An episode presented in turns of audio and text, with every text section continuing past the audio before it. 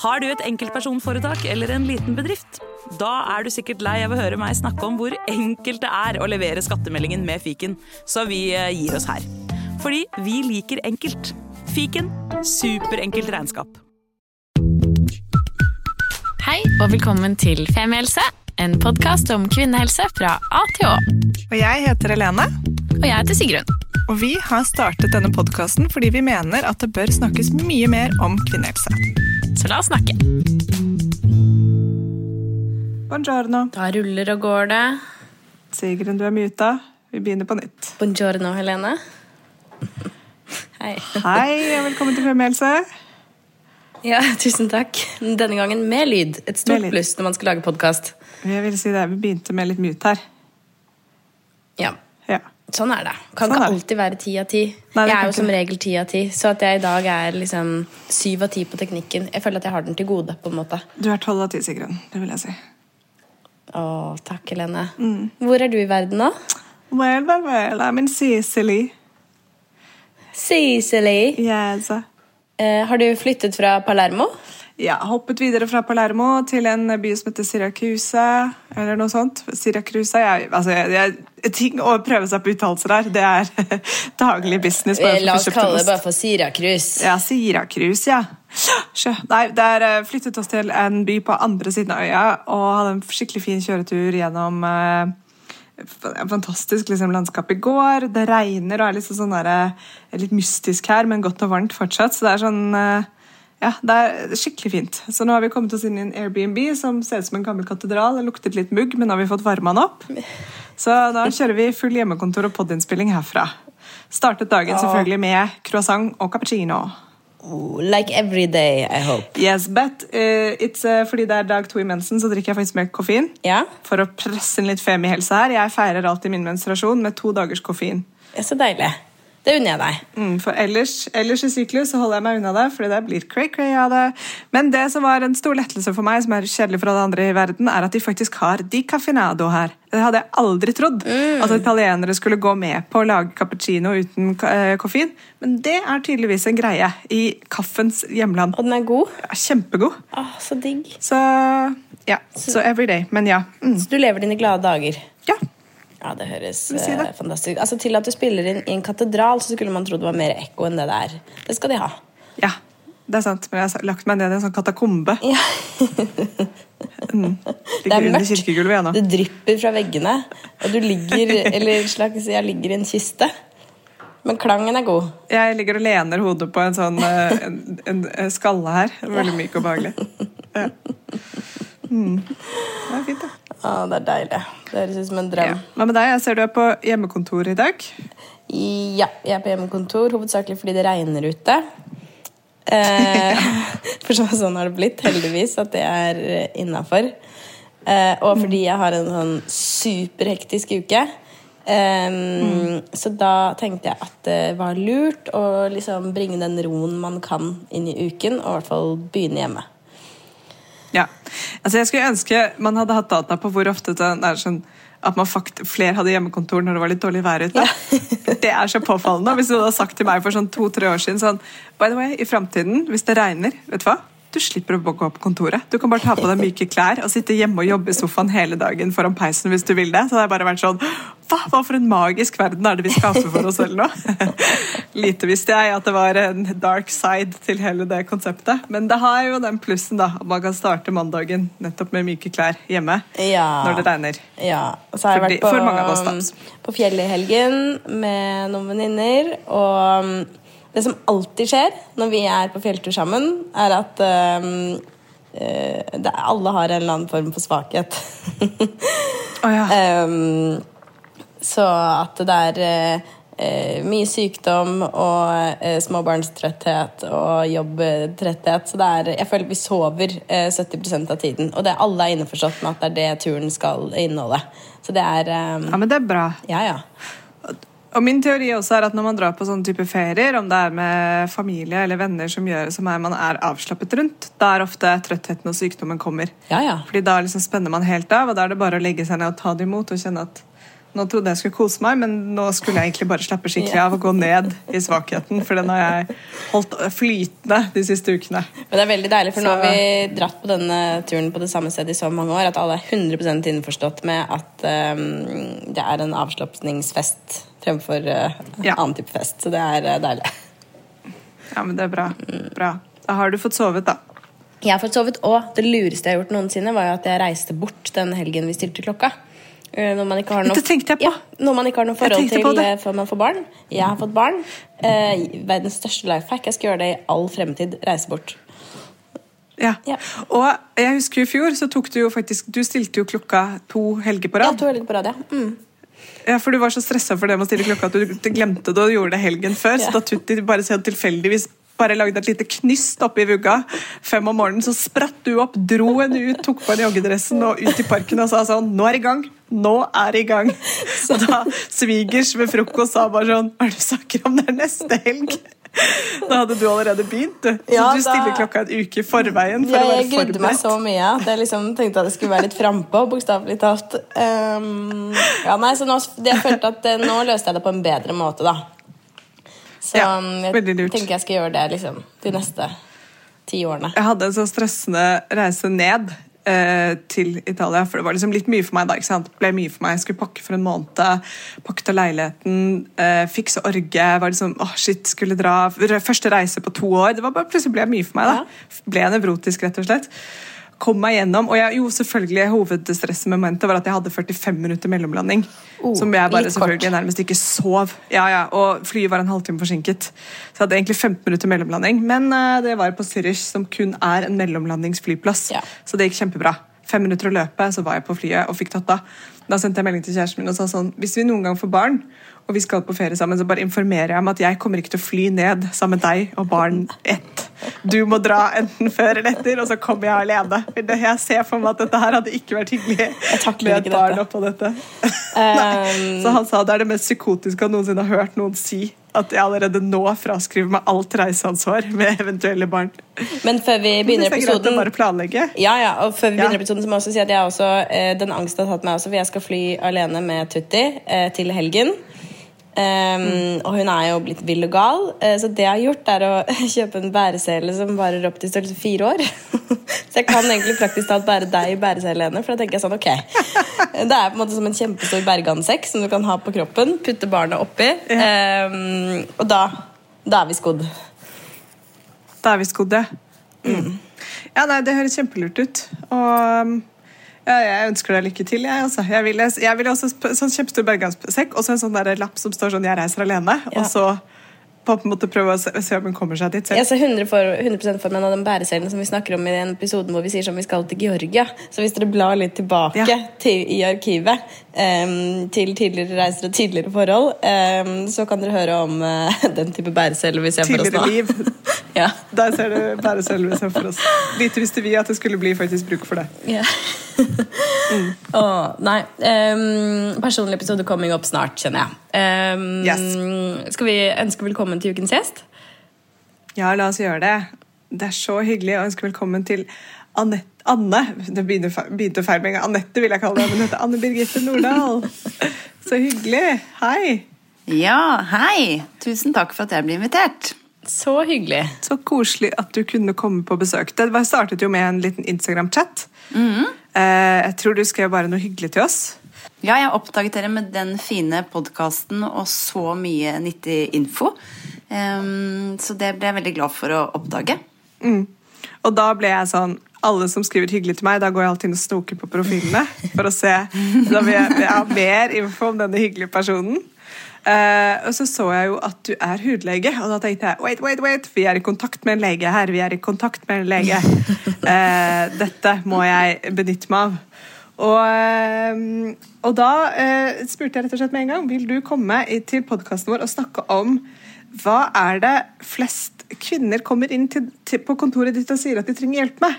Og så ble vi jo ganske fort enige om at det er jo alt mulig. Vi er jo alle unike, så det er jo kanskje ikke sånn her Det er ikke one, one quick answer på det, men vi ble enige om at vi hadde i hvert fall to ting vi hadde lyst til å prate om i dag.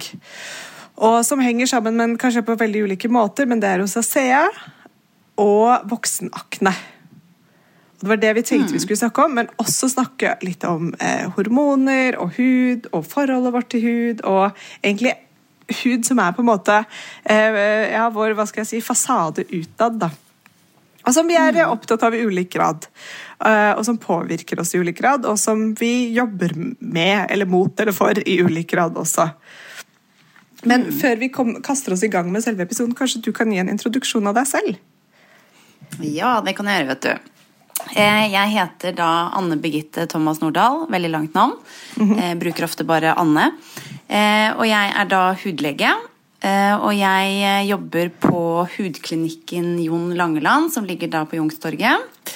Og har tidligere jobbet på Rikshospitalet og på Haukeland. Kult. Og jeg vet ikke men om flere kjenner seg igjen i dette som bor i Oslo, men Jon Langeland sin hudklinikk der har i hvert fall jeg vært innom flere ganger. Sjekket føflekker. Fjernet føflekker også. Alt etter hva Jon mener at er en god idé eller ikke. Jeg prøver jo alltid å få han til å fjerne flere enn det han vil.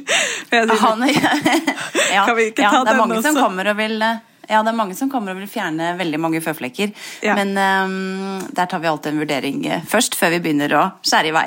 Ja, og så er det så gøy, for jeg er alltid så tøff når jeg går inn der og sier sånn Kan du fjerne den? Kan du fjerne den? Kan du fjerne den? Og så sier han sånn Nei, vi kan fjerne den ene som er der. Det er ikke egentlig en føflekk engang, men jeg skjønner at du syns den er stygg, så jeg skal ta den vekk for deg. Og så setter han den sprøyten, og så skjærer han, og så tenker jeg sånn Å, gud, for at det bare var den ene. Jeg angrer meg Og, ja, det... ja, og det er veldig vanlig. Mange som kommer og fjerner det ene og det andre. Når man først setter i gang, så var det sånn Å ja, får jeg sprøyte? Får jeg bedøvelse? Å ja, blir det sår, ja. Eh, så Det er der er veldig gjenkjennbart. Ja. Ja. Men Anne, kan ikke du fortelle kort, altså, hva er egentlig eh, en hudlege?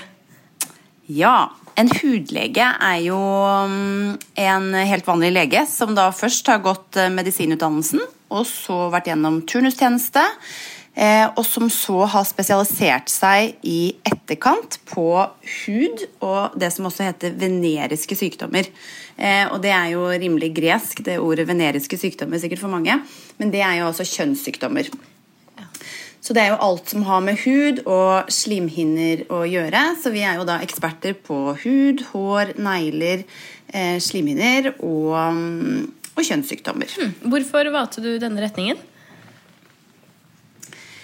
Jeg har alltid interessert meg for hud, eh, men trodde først og fremst at jeg skulle bli infeksjonslege. Eh, Jeg har alltid syntes det har vært gøy med infeksjonssykdommer, tropesykdommer, malaria. eh, Tidligere vært glad i å reise.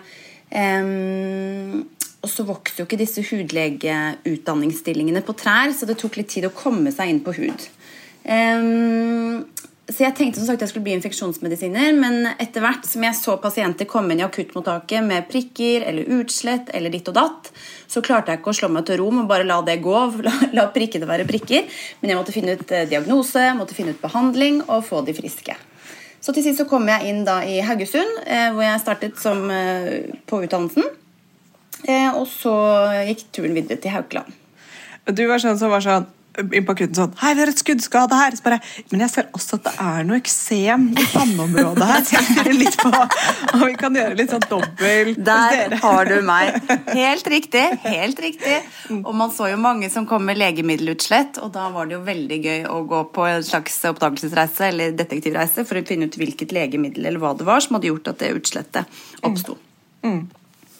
Kult. Ja, det er jo fascinerende, fordi akkurat det at liksom hudlege innebefatter også kjønnssykdommer og hår og eh, så mye mer det var jeg, ja, ja, Vi har jo spilt inn en episode om eh, hudsykdommer eller hudlidelser i, eh, rundt vulva, som dere også kan søke opp eh, hvis dere er interessert. Og, og det er Derfor selvfølgelig er det sånn, men jeg tenker liksom hudlege, da tenker jeg en som er ansvarlig for ansiktet. og, og på en måte bare en sånn maske der. Men det er jo selvfølgelig hele kroppen og, og veldig mye mer, da. Og så er det, så er det jo mange eh, medisinske tilstander som også kan vise seg da i huden. Hvis du f.eks.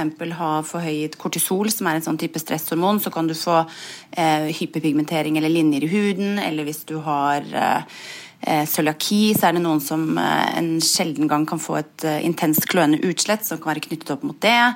Og forskjellige det som heter raumatiske tilstander, som er jo sånne inflammatoriske hudforandringer som lupus og ja, forskjellige sykdommer som også kan vise seg da i huden. Og dette med forhøyet kortisol, hva kan være årsaken til at man får det? Um, nei, det er jo da, da Da tenker du sikkert sånn Oi, stress og sånn. Det er ikke bare det. Da har du en sykdom hvor du kan ha en svulst på binyren f.eks., som kan lage da forhøyet Eller skille ut for mye kortisol. Så det er jo veldig, veldig sjelden. Ikke sant. Riktig. Greit. Ja, jeg bare ble sånn for noe. Jeg ville bare spørre Ikke noe folkesykdom. Nei. Det, det, det, det. Hvis alle var sånn linjer i huden, det er sikkert fordi jeg er stressa. Så tenkte jeg sånn, jeg måtte bare høre om den. Ja. Ja, Mm. ja. Nei.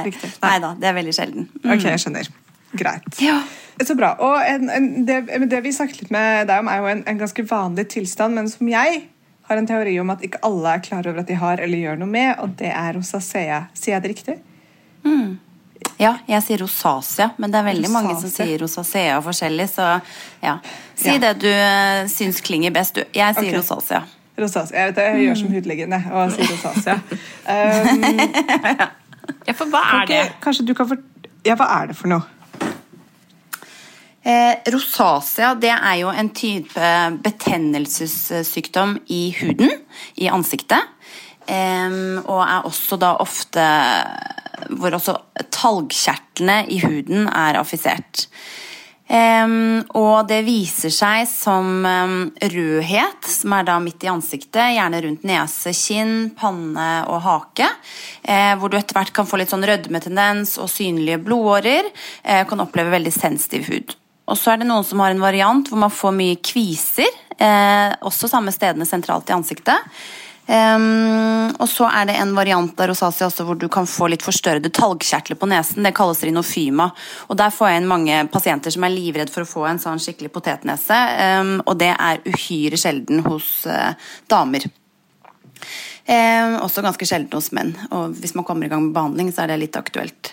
Eh, og så er det noen som faktisk kan også få rosacea på øynene.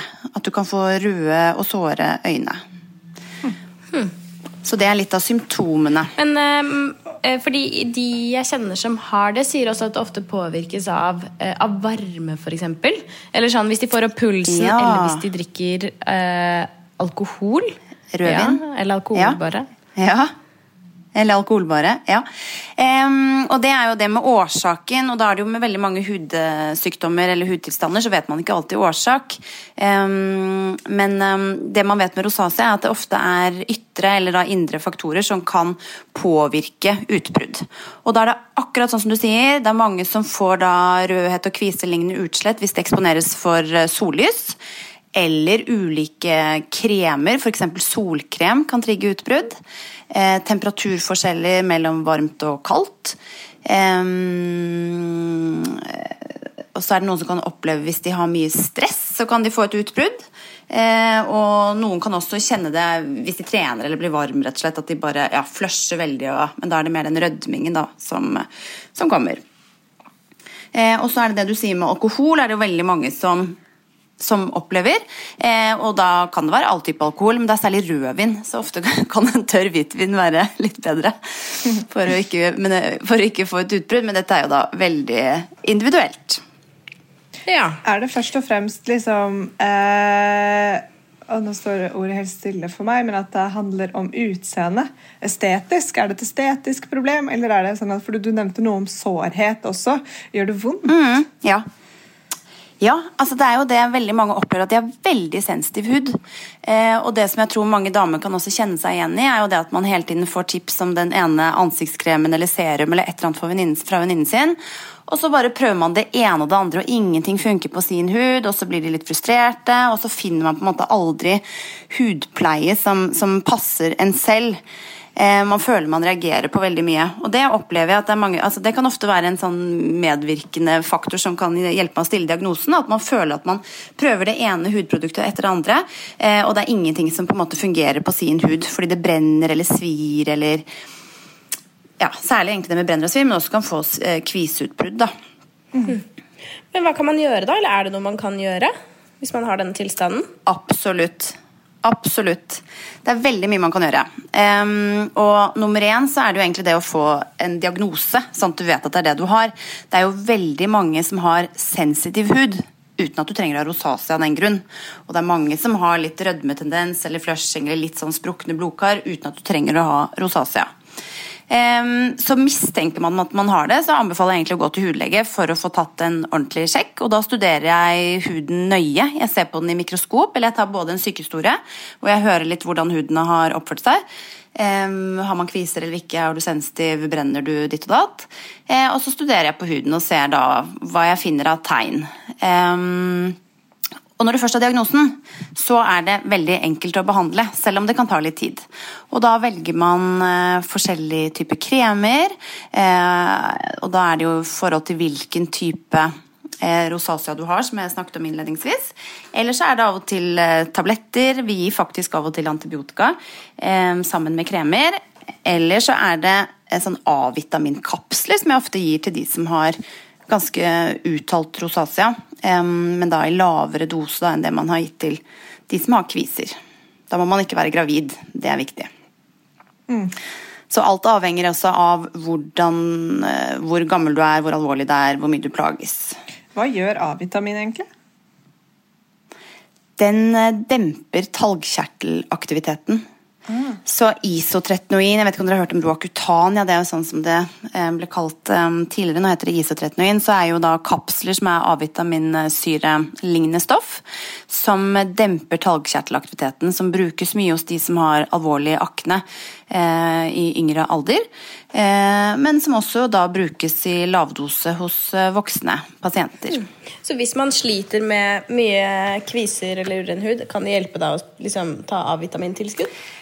Eh, akkurat når det gjelder alt mulig av kosttilskudd, så er det så vanskelig regulerbart marked, eller så stor marked, så der har ikke jeg oversikt over alt som finnes på markedet. Nei. Så derfor kan ikke jeg anbefale noe Nei, det skjønner jeg. Og det må Enkelt kanskje også være en høyere dose, mm. altså medisinsk dose, enn det man eventuelt kjøper som, som kosttilskudd. Ja, altså det, ja det, det, er derfor vi bruker ting som er på resept. For dette er jo nøye utprøvet, og alt med konserveringsmidler og studier og alt, så er det jo mye mer dokumentert da, effekt, ja. som, vi, mange, som vi liker. Jo, men Det er kjempefint å si når vi, når vi nevner, nevner, noe her. Mm. Mm. Men hvorfor, man, hvorfor, skal man være forsiktig med å ta det hvis man er gravid? Det er veldig fosterskadelig. Ja, så her er det ikke bare forsiktighet. Nei, her er det er du en kvinne i fertil alder, eller særlig planlegger da å bli gravid, så er det jo ganske Da må vi jo finne eh, kremer som er eh, reseptbelagt, som også ikke er fosterskadelig. Mm. For det er jo mye av det vi holder på med som er A-vitaminsyrer, og da også i A-vitaminsyrer i kapselform, som er veldig fosterskadelig.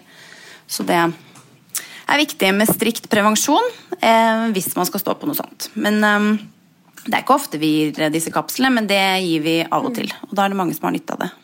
Riktig. Og er rosacea en eh, kronisk sykdom, eller kan man bli kvitt det? Eh, det er jo definert som en kronisk eller en kronisk tilbakevendende sykdom. Eh, så det vil jo si at vi, når du først har tilstanden, så har du nok den hudtypen. Eh, men det jeg opplever, og det jeg også syns er gøy med å behandle dette, her, er jo fordi man finner en løsning til hver enkelt pasient som gjør at du har tilstanden i sjakk. Eh, og da kan du etter hvert ha ganske god eh, kontroll på huden din, sånn at du slipper å ha utbrudd. Eller hvis du da f.eks. på sommerferie har brukt masse solkrem, sitter midt i solen, får et gigautbrudd, så vet du også etter hvert hva du skal bruke for å, å roe det ned. Hmm. En annen ting vi bruker på hudklinikken, er jo mye sånn karlasebehandling. Både for å få vekk rødheten i ansiktet, de sprengte blodkarene eller den eh, som allerede er etablert, eller den rødmetendensen, men som også da kan få utbruddene til å dempes. Så det er mange som på en måte har kontroll på tilstanden, og så begynner de å kjenne at de kanskje brenner litt i ansiktet, eller nå er det noe på gang, og så gir vi litt laser, og så, og så får vi på en måte holdt i sjakk. Som et medvirkende verktøy. Ja, så kult. Um, og hvis vi da liksom, for Vi var jo på en måte så vidt innom det i sted da vi kom inn på dette med talgproduksjon og behandling av det også, men vi sakte, chattet litt sammen om voksenakne. Eh, mm. Kan du si litt om hva det er? Ja, og det er jo det at dette her kan ligne litt på hverandre. ikke sant? For ofte så er det jo kviser i ansiktet. Eh, men eh, voksenakne det er noe som ikke er helt uvanlig. Man tenker jo at det er tenåringer som har akne, men etter hvert som man har blitt mer og mer bevisst på at det er faktisk voksne som får det, og særlig damer. Um, og da er det noen som har det med seg fra ungdomstiden. Eh, og så er det noen som får det da i voksen alder, etter sånn 25 år gamle. Eh, det er det som er definisjonen, da. Men eh, det er jo flytende grenser her. Men Hva er forskjellen på da kviser og akne? Nei, altså kviser og akne er jo det samme. Eh, men kviser, da tenker man kanskje på en og annen kvise, mens akne vulgaris, som det heter Vulgaris betyr jo vanlig, eh, men akne vulgaris er jo en uh, hudsykdom, da, eller mer hudtilstand. Mm. Ikke sant? Så hvis man har som... mye kviser mer eller mindre hele tiden, så kan man si at man har akne. Mm. Eller voksenakne, da. Ja, altså du kan, Har du mye kviser hele tiden, så har du voksenakne. Eller akne vulgaris eller akne. Um, så det er jo på en måte samme navn, akne og kviser. Mm. Er det noe man kan gjøre med det, hvis man har det? Det er det også, absolutt. Um, og da nummer én igjen, så er det jo det å skille, vite hva er diagnosen. Uh, og da vet du også hvordan du skal behandle det. Uh, og um, kvinner med voksenakne har det ofte i nedre kjevelinje. Uh, nedre del, altså langs kjeven, haken, på halsen. og er ofte mye dypere kviser enn det du kanskje har hatt i ungdomstiden. Um, og um, så er det jo det å finne årsak, eh, selvfølgelig. Og da er det jo hos damer eh, vanligst hormonell årsak. Og det har jo sikkert eh, de fleste kjent. En større dyp kvise som kommer i forbindelse med menstruasjon eller med graviditet, start av graviditeten. Eller ved overgangsalder. Ja, så er det noen som da også har det som heter polycystisk ovariesyndrom, som jo på en måte er den vanligste årsaken da, til forhøyede sånne hormonnivåer eller androgennivåer som forårsaker akne. Eh, så nå er jeg inne på årsaker, og der kan jeg også liste opp mer. Men det du spurte om var behandling, eh, og det er da igjen å identifisere årsaken og så gi behandling. Og da som regel så er det samme behandling som man gir til eh, tenåringer, og det er jo reseptbelagte kremer eller av og til pillekurer. Og da er det jo også denne A-vitaminsyre kapselen igjen, disse iso-13-kapslene som vi av og til da gir, også oftere i lavdose enn hos unge. Eh, eller så er det de som har en hormonell årsak, som man av og til eh, eh, gir en type medisin som da påvirker dette med hormonene. Mm. Altså Nå nevner du jo eh, kviser på eh, altså nedre kinn og kjeve og hake. Er det sånn at mm. man kan si at eh, kviser på ulike steder i fjeset har, er knyttet til ulike årsaker? Eh, ja, altså det er jo ikke noe sånn at, at ting er svart-hvitt. Man elsker jo å kategorisere. Ja. Så, så man, kan ikke, måte, man kan jo ikke Ja, ja ikke sant? Eh, så, så, man kan jo ikke um, skjære alle over én kam. Men det man typisk ser, er jo da hos ungdommer, som på en måte er den eh, Også hormonstyrt. Alt er jo hormoner i, i kroppen vår. Og, eh, men, men, det er jo ungdomskviser er jo typisk i T-sonen, som er i panne og nese, eh, og litt på hake. Mens hos eh, voksne damer så har du mer den U-sonen, at du på en måte har da nedre kjevelinje. Og da også, hvis jeg ser at de er dype, kanskje vanskelig å få kontroll over, så pleier jeg å spørre om ja, hvordan er det med menstruasjon, er den regelmessig, er den uregelmessig, har du andre tegn, har du økt behåring, er det Ja. Så, så, så det, hvor, hvor, akten er lokalisert, vil ofte gi meg en ledetråd på kanskje hva som er årsaken. Mm. Altså fordi Etter at jeg fikk barn, så har jeg eh, fått eh, mine livs første kviser. Aldri hatt kviser før i det hele tatt. Fikk barn. Har begynt å få Nei. masse kviser i pannen. Ja. Eh, ja. Det er bare det er så sprøtt, fordi til og med i ungdomstiden ingenting. Nei. Ingenting? Nei. Eh, Nei. Og når man googler dette, så er det sånn Ja, dette kommer typisk av hormoner. Dette kommer av stress. Eh. ja. Og, det, og, det, jo, og det, det, var jo det jeg skulle også si med årsaker, for det er jo flere årsaker. Eh, deriblant stress, og også stress kan jo da være lite søvn. Da setter du i gang også hormonproduksjon og igjen det der kortisolen, som er det der stresshormonet, som igjen kan påvirke eh, talgkjertlene, som gjør at man får kviser. Så eh, det, det, kan godt være det hvis du har et lite barn og du sover lite. og ja. Spennende. Så, så, det, så det høres ikke ut som en stor hormonell ubalanse. Jeg tror akkurat det med dine kysser, Sigrun, er at Tutti koser mye med deg med mye smør og, og godteri og sukker på fingrene. Og så koser hun med håret ditt, og så hun, drar hun det over panna. Ja, Og bæsj og snørr ja. også. Ja. For det kan, også være, det kan også være en årsak til kviser, at du på en måte har um, tett hudpleie. Eller ja, hvis du har mye snørr og sikkel, så, så tetter igjen porene dine, så får du, får du litt kviser. Eh, men også at folk bruker sånn tette hårpomader, f.eks. Du vet ikke hvor mye gelé eller voks du bruker. Ikke så ofte. Eh, eller, eller hjelmbruk, f.eks. At du får kviser der hvor du har den remmen på, fra mopedhjelmen. Eh, eller sånn som man har hatt da i koronaepidemien, med maskeakne. Ja. Eh, og det er jo at det blir fuktig og tett, og du får på en måte eh, berøring da, som gjør trigger, trigger kviser. Så maskeakne er et nytt begrep. Maskne. Maskene er Maskene, ja. et nytt maskne. Yes. Det er et uh, nytt begrep, ja. Og det har man jo sett veldig mye av, og da har man tatt alltid sekkebetegnelsen altså maskeakne, men det er jo rosacea, og det er jo eksem, og det er alt mulig som på en måte eh, utløses av irritasjon da, fra denne masken. Er det noe ehm, Nå har du jo nevnt medisinering noen ganger, men ehm, har du noe eh, herregud, Noe informasjon om liksom, Kan kosthold bidra inn her? Fins det noe forskning på det? Eh, Det med kosthold har jo vært ganske omdiskutert. Og der må jeg si av egen erfaring og det jeg har lest, at igjen så er jo ting veldig lite svart-hvitt.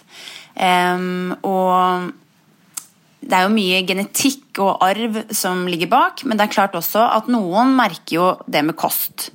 Eh, og da har man jo sett eh, på det med melkeprodukter, eh, at det kan hvis du får i deg melkeprodukter, eh, så er jo det egentlig beregnet til kalver, som inneholder veksthormoner, som igjen kan påvirke våre talgkjertler, som igjen kan da føre til kviser.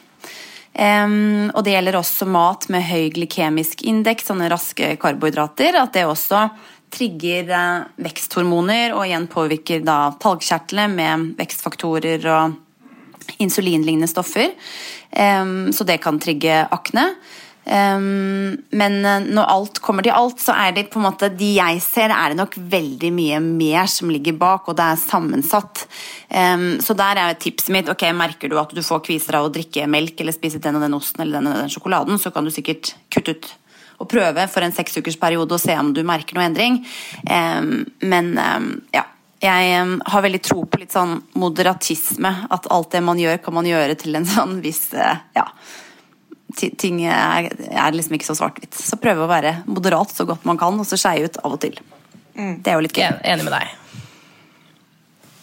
Ja, og jeg tror akkurat det der med Jeg vet ikke, jeg, det gjelder jeg tror, i hvert fall Når jeg snakker blant venninner, så, så merker vi jo veldig godt f.eks. en sånn hyttetur med jentene hvor man spiser mye smågodt plutselig, sjokolade, drikker vin, har ostefat, eh, litt eh, potetgull og dipp. ikke sant? Det er sånn der, eh, Man går litt all in.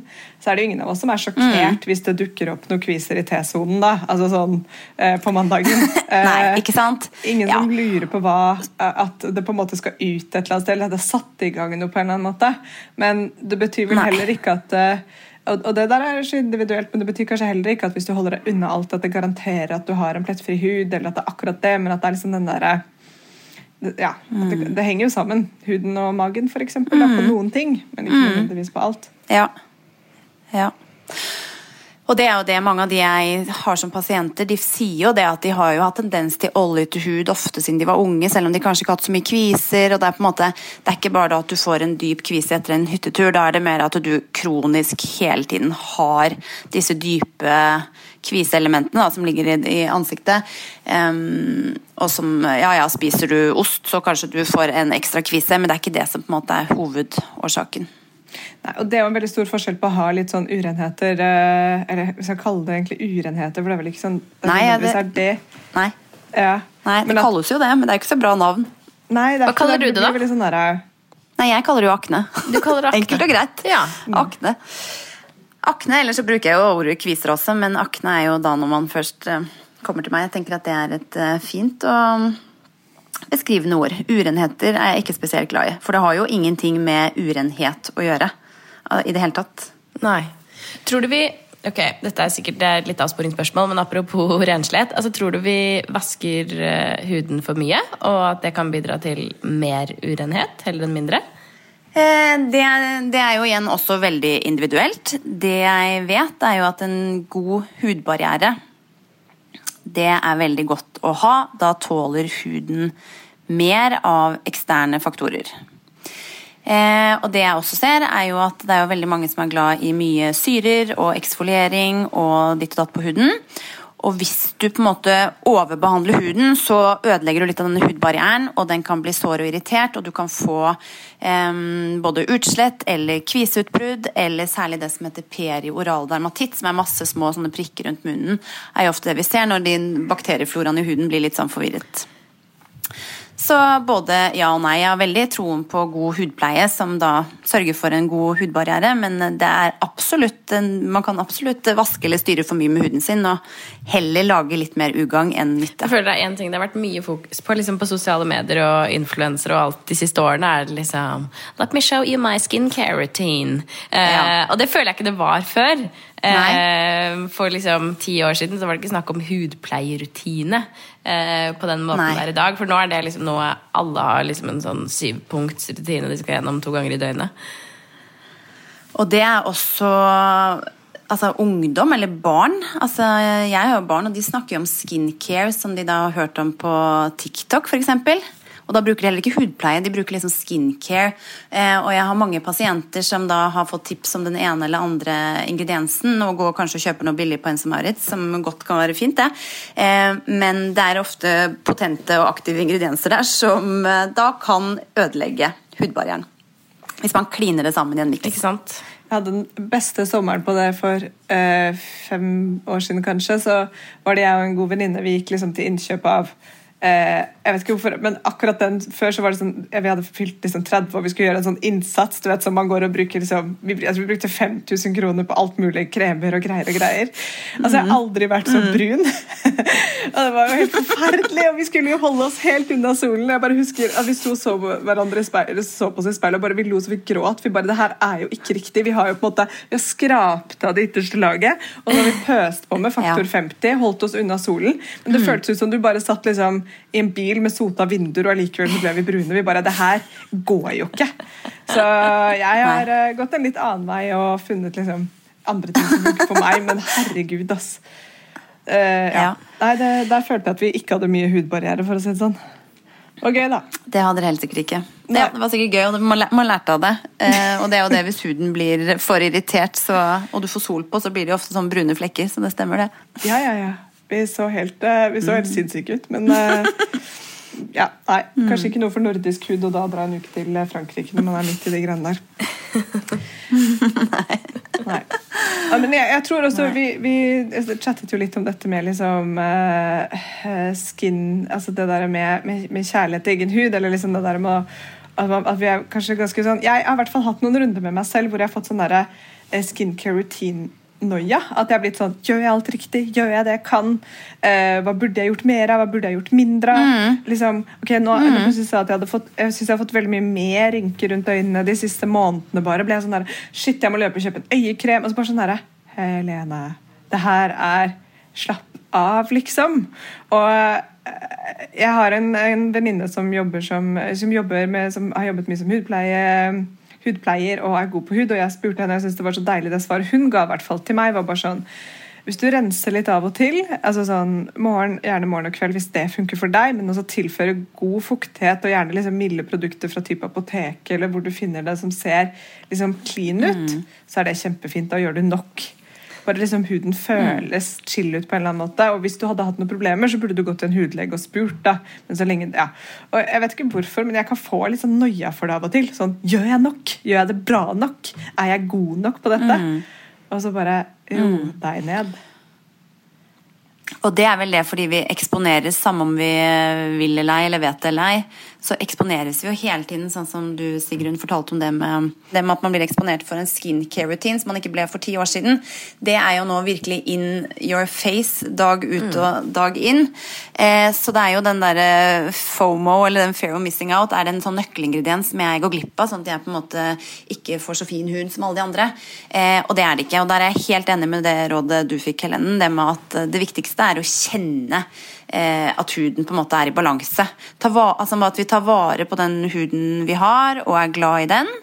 Um, og det trenger ikke å være så veldig avansert. Uh, vil du gjøre det mer avansert, så kan du legge til noen produkter, men da anbefaler jeg deg å høre med noen som uh, kan veilede deg. Uh, og så er det jo også det at hvis du har et problem med huden din, vil jeg anbefale å oppsøke hudlege. For det er veldig mange som kanskje bagatelliserer hudproblemet sitt Sånn som det jeg ser kanskje det med de med voksenakne. At man tenker sånn ja, nei, det er jo ikke så farlig, for det er på en måte det er jo bare huden min, og den, den fungerer jo til en, til en viss grad. Og, eh, så man på en måte bagatelliserer for seg selv, men egentlig så bruker du mye tid på det. Og da vil jeg anbefale å høre med noen profesjonelle som kan eh, veilede deg og se om det er noe man kan gjøre eller ikke kan gjøre. Og det er ikke alltid man kan gjøre alt, men det er ofte man kan gjøre mye. Og Eh, litt tilbake igjen til de to temaene vi tok opp. At eh, rosacea, men også voksenaktene, kan, kan, jo nesten ligne litt noen ganger. Eller at man ikke vet da, ikke sant, selv over hva er det jeg har. Og at det er da veldig fint mm. å gå og få en, eh, en faktisk lege, uten at man googler seg hjelp på det, men man får en faktisk lege til å si sånn men det du har, er jo seboreisk eksem, eller du har voksenakne, eller dette her tror jeg bare er liksom, hvis det er i forbindelse med mensen, eller du har rosacea eller rosacea. Mm. Altså, at man får det, mm. at det ja. at Jeg tror med hud så, hvert fall, så kan jeg kjenne meg igjen i at det er veldig lett å tenke at det er min feil, eller at jeg ikke har rensa godt nok. eller mm. at jeg har, altså, Men at man bare får sjekket ut er det noe jeg kan gjøre med dette hvis jeg bruker som du sier, mye energi på å tenke på det, eller, og eller at det er ubehagelig. Ja. Eller hvis det påvirker mm. selvbildet. At man kanskje ikke skal ha så høy terskel for å, eh, for å ta det opp. På lik linje som man ville gjøre med andre fysiske plager. da.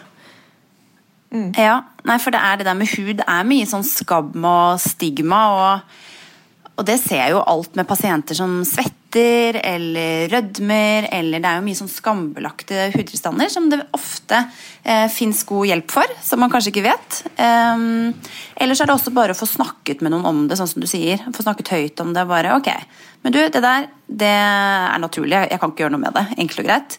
Eh, eller, vet du hva, vi kan forsøke dette og dette, og så fungerer som regel det. Mm. Mm. Ja, og så er det den skin positivity um, eh, sjangeren som på en måte har kommet opp som en motvekt til alt det polerte og filtrerte som vi omgir oss med på Instagram eller andre sosiale medier. At det er jo noen som står frem og viser at eh, vet du hva, porer helt normalt, pigmentflekker helt normalt, arr helt normalt, cellulitter helt normalt. Og det på en måte ja, skal prøve å redusere det med den skammen og normalisere helt normal hud. Så det er jo veldig bra. Det er skikkelig fint. Jeg tenker på, Vi snakket eh, før vi begynte å spille inn eh, så vidt om at huden er kroppens største organ. Og Hvis man ser for seg et veldig ekkelt bilde eh, her jeg ligger nede i katakomben og hviler hodet på en skalle at eh, Hvis du hadde på en måte hatt flekka ut hjertet ditt og lungene dine og leveren din og nyrene dine på utsiden av kroppen, så ville de jo også sett helt, eh, ganske forskjellig ut fra person til person og hatt litt forskjellig farge eller form eller klumper eller kuler. eller altså, Forhåpentligvis ikke mye for klumper og kuler, men det er jo på en måte det, det er jo den delen av kroppen som vi ser som kan ha variasjoner, men som allikevel man har bestemt seg for at skal være helt, helt plettfri. Og ingen, jeg vil jo tro at mm. ingenting av oss er helt likt, eller er liksom helt uh, uberørt av av uh, liksom våre, eh, som du sier, sånn, hormoner eller uh, kosthold eller stress eller whatever. Men det er den delen av kroppen mm. man ser. da, og så forventer man at den skal være helt sånn der polished. Og det er jo mm. det, er jo det er ikke sånn det er å være levende, på en måte. Veldig sant. Veldig, veldig sant. Helt enig. Mm. Jeg tenker at det kanskje er et fint sted å begynne å runde av, ja. Mm. Det er, um... er det noe deilig med sånn to sekunders lag fra Italia. Ja, det er deilig med to sekunders lag. Men jeg antar at det du ville si, Lena, er, eller det du ville gjøre, var å spørre Anne Birgitte om det er noe hun hadde lyst til å um, si før vi avslutter. En. Eh, en beskjed til det norske folk. Ja. En liten beskjed til det norske folk er jo det å prøve å være glad i seg selv som man er, med den huden man har. Og har du en hudsykdom eller noe du bekymrer deg over, så anbefaler jeg å ta kontakt med hudlege, eh, sånn at du får en profesjonell vurdering. For det kan oppleves ganske frustrerende å forsøke det ene kremen eller serumet eller hacken ditt og datt, eh, og ikke komme til målet. Eh, så kan du heller gjøre alt det etter at du har vært og fått en profesjonell vurdering. Og her vil jeg da komme med en liten tilleggsoppfordring til det norske folk. eh, som er det vi snakker til i dag, er nettopp det at Hvis du da har noe uforklarlig med øynene, hår eller hud eh, altså sånn andre steder på kroppen, det er jo da også hudlegets spor. Fordi det tror jeg ikke alle tenker på. At uh, f.eks. flass Nei. eller altså sånn, uh, Som du sa i sted, røde øyne eller hovne øyelokk eller altså sånne ting er også noe en hudlege kan hjelpe til å snakke om. For der føler jeg at mange kan falle litt mellom to stoler. Sånn, men hvem snakker jeg med dette om, på en måte? Så vil jeg bare si. Veldig sant. God siste oppfordring. Tusen takk for at du var med, Anne Birgitte. Veldig fint å snakke med deg. Eh, takk til dere som hørte på. Takk til deg, Helene. Vi høres igjen neste uke. Det gjør vi. Ciao, ciao! Ciao, ciao. Ha det! Tusen takk for at du hørte på podkasten vår. Selv om det forhåpentligvis kommer tydelig frem, så vil vi understreke at vi ikke er helsepersonell. Ja, så Som vanlig, kontakt legen din om du har noen spørsmål eller om du skal begynne på noen form for behandling. Og har du et tema som du har lyst til at vi skal snakke om, eller noe ris eller ros, så send oss gjerne en melding på Facebook eller på Instagram. Der finner du oss under Femihelse. Og du kan gjerne rate oss på iTunes. Det er skikkelig hyggelig for oss. Ha en fin dag! Ha en kjempefin dag!